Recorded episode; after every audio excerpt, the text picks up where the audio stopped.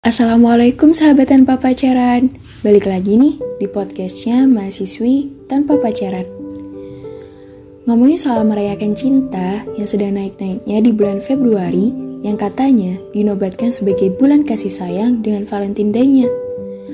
Kerap kali membuat virus merah jambu seolah muncul di mana-mana. Yap, sebagai remaja zaman milenial dan Gen Z Siapa sih yang gak tahu perayaan setiap tanggal 14 Februari ini? Semuanya pasti tahu kan? Di bulan ini, tak sedikit pasangan muda-mudi yang berikrar atas nama cinta. Mereka merayu pasangannya dengan taburan coklat dan juga bunga. Tak cukup sampai di situ, perayaan Valentine Day ini pun pada akhirnya banyak menjerumuskan para pemuda ke jurang perzinahan loh dear. Mulai dari gratisnya alat kontrasepsi hingga promo tempat penginapan. Seserius itukah? Iya, benar. Mari kita renungi bersama. Entah konsensus dari mana, tapi dengan perayaan yang seolah indah ini nyatanya menggembirakan orang-orang di balik bisnis produk-produk Valentine. Sedangkan di satu sisi, menghancurkan para pemuda yang terjebak pada kenikmatan sesaat pergaulan bebas. Bagaimana tidak, bisnis mereka laris manis dengan adanya perayaan ini.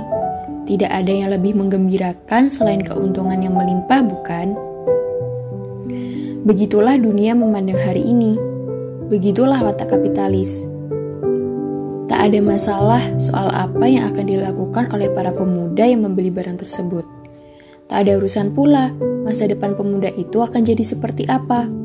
Semua itu urusan belakangan hancur, mau rusak, urusan mereka. Nah, tapi bagaimanakah sikap kita melihat sesama dari kita hancur masa depannya dengan hal itu? Apakah cukup dengan kita menyimpan semua sendiri dalam lubuk hati kita? Ataukah kita terperanjak dan berusaha mencegah? Bukankah pemuda yang Allah cinta adalah pemuda yang melakukan perubahan? Sudah saatnya ambil peran dari sekarang Nah, yuk sahabat solihah, kita ambil peran untuk perubahan. Sampai jumpa di podcast selanjutnya ya. Wassalamualaikum warahmatullahi wabarakatuh.